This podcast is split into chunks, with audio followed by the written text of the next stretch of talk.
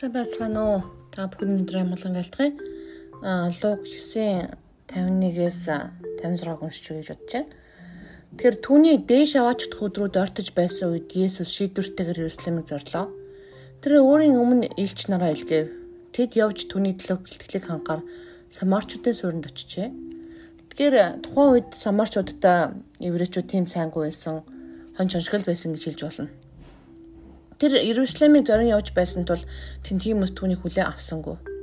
Түүний шавнар болох Яков Йохан нар түүнийг хараад түүнд эзэн тэднийг сүнөөхөн тул Тэнгэрээс гал буухтан гэж би тушаахыг та хүсгсэн болов гэхэд тэр иргэн тэднийг зэмлэв. Тэгэхээр тухайн үед Яков Йохан нар ямар хүн байсан ойлгомжтой байгаа үстэй. Нилээн ширүүхэн хатуу хүмүүс байсан гэсэн үг. Тэгэхээр сүүлд нь энэ хүмүүс зөөлрсөн байдаг ялангуяа Йохан.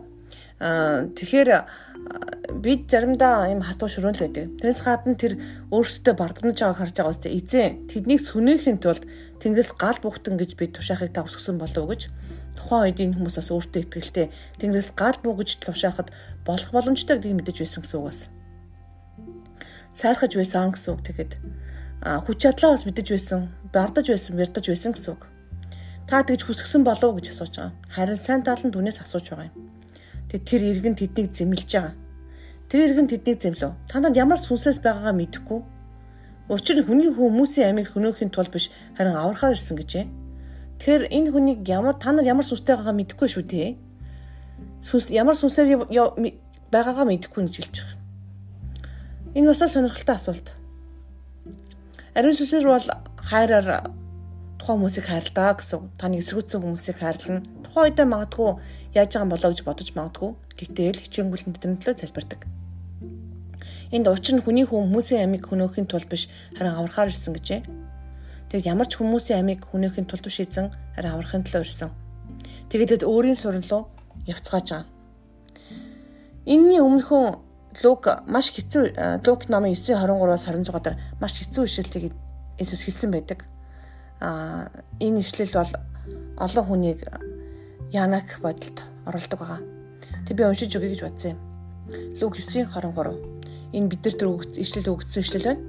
Тэр тэдэнд бүгдд нь хандаж хэрэг хин нэгэн миний араас явахыг хүсвэл тэр хүн өөрийгөө үгүйсгэж өдөр бүр загламгаа үрч намайг даг. Учир нь хин амиа аврахыг хүснэ тэр намиа алдах болно. Харин хин миний төлөө амиа алдна тэр намиа аварна.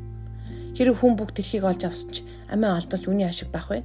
хин надаас болж миний үгснээс чинь хүний үцгийн болон өөрийн мөн ариун ариун тэнгэр элч нарын суу алдраар ирэхтэй түнээс ичих болно. Тэгэхээр Иесус дахин ирэхээ энд хэлж байна. Бүр дахин ирэх шүү. Ирэхдээ хүний үцгийн болон өөрийн мөн ариун тэнгэр элч нарын суу алдраар ирэхтэй гэж түнээс ичих болно.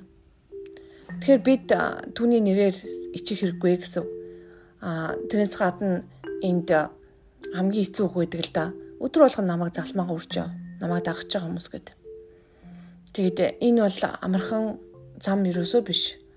А тэгтээ дөнгөж итгэж болж байгаа хүнд энийг яриад өдөр болгон залмаагаа үржөө харж ийн учир нь хин амиа аврахыг хүснэ тэр нь амиа алдах болно гэсэн Иесус итгэсэн хүн амиа алддаг байхгүй юу гэж ярьж байсан.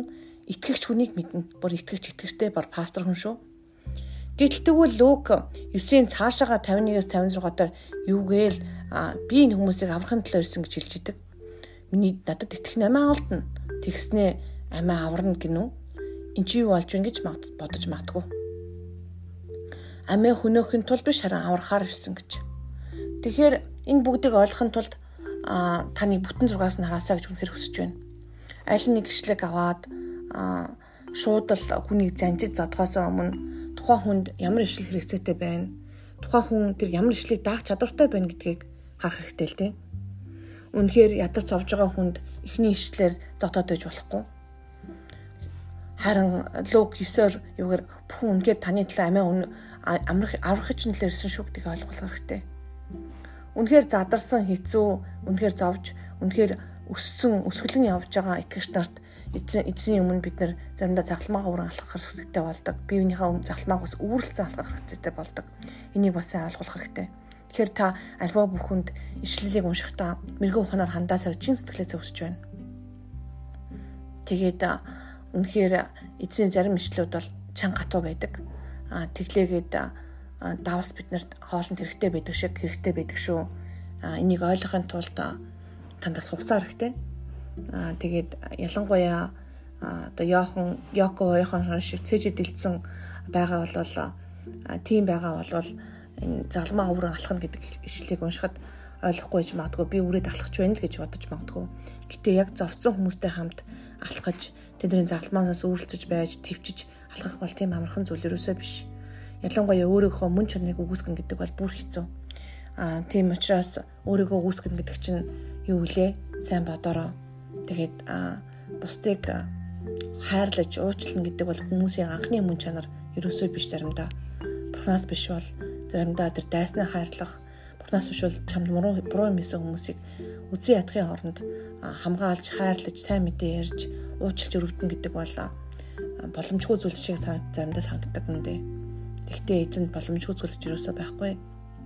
Та бүхэн ичлэр бас хүмүүс бити зодороо. Аа тэгээд үнэхээр чин сэтгэлээс хайрлаасаа аяндаа алхаад явах үед та цагламаа ураад алхах болно. Түнд бүх санаа зов. Цаг нь болохоор та бүгдийг мэдэх болно.